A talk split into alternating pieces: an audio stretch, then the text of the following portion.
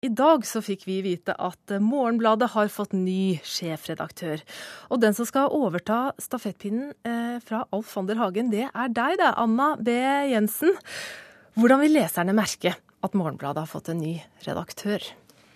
Når eh, en avis som Morgenbladet har opplevd så stor suksess som de har gjort, så tror jeg ikke det aller smarteste er å gjøre en veldig radikal omlegging.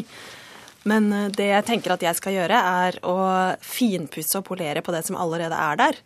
Uh, og jeg har jo uh, hva skal jeg si, bred journalistisk erfaring fra Dagens Næringsliv og tidligere Morgenbladet også. Og jeg tenker at noe av det journalistiske håndverket som jeg har lært meg, det skal jeg selvfølgelig ta med meg inn i avisa. Hva er det beste som er der, da, som du har lyst til å, å dyrke videre? Jeg tenker at Morgenbladet på sitt aller beste det er på en måte en avis for uh, hva skal vi si, alle mulige mm, borgere som er interessert i samfunnsdebatten. At man liksom kan tenke litt stort der og uh, få lov å reflektere litt. Og at uh, det er et alternativ til alle de andre avisene og til alt det andre som eksisterer i, eller veldig mye av det som eksisterer i norsk, norsk presse. At det rett og slett ja, at det skal være en annerledes type avis. og at istedenfor veldig mye av pressen skriver på en måte hva som skjer. Det er veldig hendelsesdrevet at Morgenbladet skal være en avis som går litt i, mer i dybden og skriver mer om eh, hvorfor det skjer, f.eks., eller hvordan det skjer. og La oss si innenfor politikken, så skriver man jo ofte veldig mye om politikkens spill, og maktkamper er interessant, men jeg tenker at det er også viktig at en avis skriver mer om politikkens innhold og driver ideologikritikk. Og på den måten ja, er et alternativ og noe annet. Du er jo vant til å tenke sånn, kanskje. Du, du har vært redaksjonssjef i Dagens Næringslivs fredagsmagasin D2.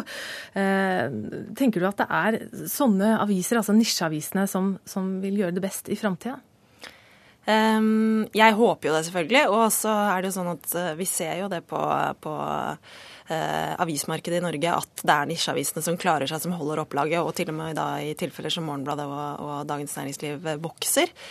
Uh, og det tror jeg er fordi uh, nett har tatt over for mye av den uh, mer sånn tabloide, kjappe journalistikken. Og, og når folk skal lese avis, så, så Uh, lener de seg heller bakover. Ikke forover foran skjermen, men bakover i, uh, ja. i uh, sofaen. D2, som du altså kommer fra, det ble i fjor kåret til årets avismagasin under mm. Nordiske mediedager i Bergen. Og kommer du til å ta med deg noe av suksessen som du jobba med der, over i Morgenbladet? Så kommer du til å minne litt om D2 framover, tror du? Jeg tror ikke jeg tar med meg noe altså sånn, eh, hva skal vi si, ikke, mm, ikke konseptuelt, eller hva, altså ikke D2 er D2 og Morgenbladet er Morgenbladet. er to veldig, veldig på en måte Visuelt veldig forskjellige. forskjellige ja, og, og, også innholdsmessig ganske forskjellige publikasjoner. Men jeg tror mer sånn når man jobber som journalist i Dagens Næringsliv, så er man så privilegert at man får lov til å lære seg håndverket veldig godt. Og, man, og det er eh, kvalitetsjournalistikk. Og det tenker jeg er fellesnevneren for begge, begge, både D2 og Morgenbladet, at det er kvalitetsjournalistikk. Det er grundige aviser.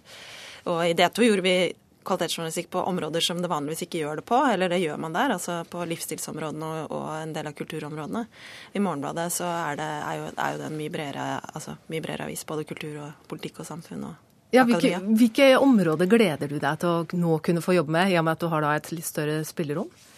For meg personlig så er det selvfølgelig eh, kjempeartig også å kunne Jeg er et politisk interessert, eh, samfunnsengasjert menneske, så det er gøy å både få brukt, få brukt hele meg. Da, altså både det eh, samfunns... Altså både politiske og, og kulturen. At man, at man, det er jo det som er privilegiet med å sitte på toppen i Morgenbladet, at du kan være interessert i begge alt det der. Ja. Du nevnte jo at Morgenbladet gjør det bra. Altså, de har hatt en veldig god eh, tendens de siste årene. Hva slags tanker har du om papiravisenes framtid? Um, jeg det, hvis jeg kunne spå om det og, så, og være sikker, så ville jeg jo selvfølgelig ha gjort det. Men jeg tenker at hvis man studerer avismarkedet, så ser man at som vi om i sted, at nisjeavisene vokser. At uh, det er også virker som det er mer robust i helgene. Og Morgenbladet er jo en, på en måte en ukeavis, en helgeavis. Uh, men uh, jeg tror det er veldig viktig at man som redaktør og som, som, en, som avismenneske forholder seg til den digitale virkeligheten og lesebrett, og kanskje Eh, det er jo snakk om forretningsmodeller også. altså det er ikke noe, Jeg tror kanskje det er en tabbe å gi bort stoffet sitt gratis på nett, som mange har gjort.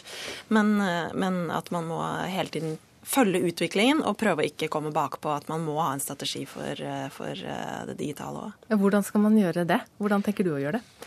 Jeg tror ikke jeg sitter med fasiten på det. Det må man det må gjøre mer undersøkelser for. Ja. Men hvordan skal du holde de gode tallene til, fra Alfander Hagen oppe, da? Jeg håper og tror at kvalitetsjournalistikk selger, og det er jo sånn at de Eh, bortsett fra redaktøren, så er det jo de samme menneskene som skal lage den avisa. Og eh, det er jo de som har lagd den eh, så langt. Og det er utrolig dyktige, engasjerte, smarte folk. Så jeg tror vi skal Håper i hvert fall at vi skal få det til. Takk til deg, Anna B. Jensen. Du er altså ny sjefredaktør i Morgenbladet.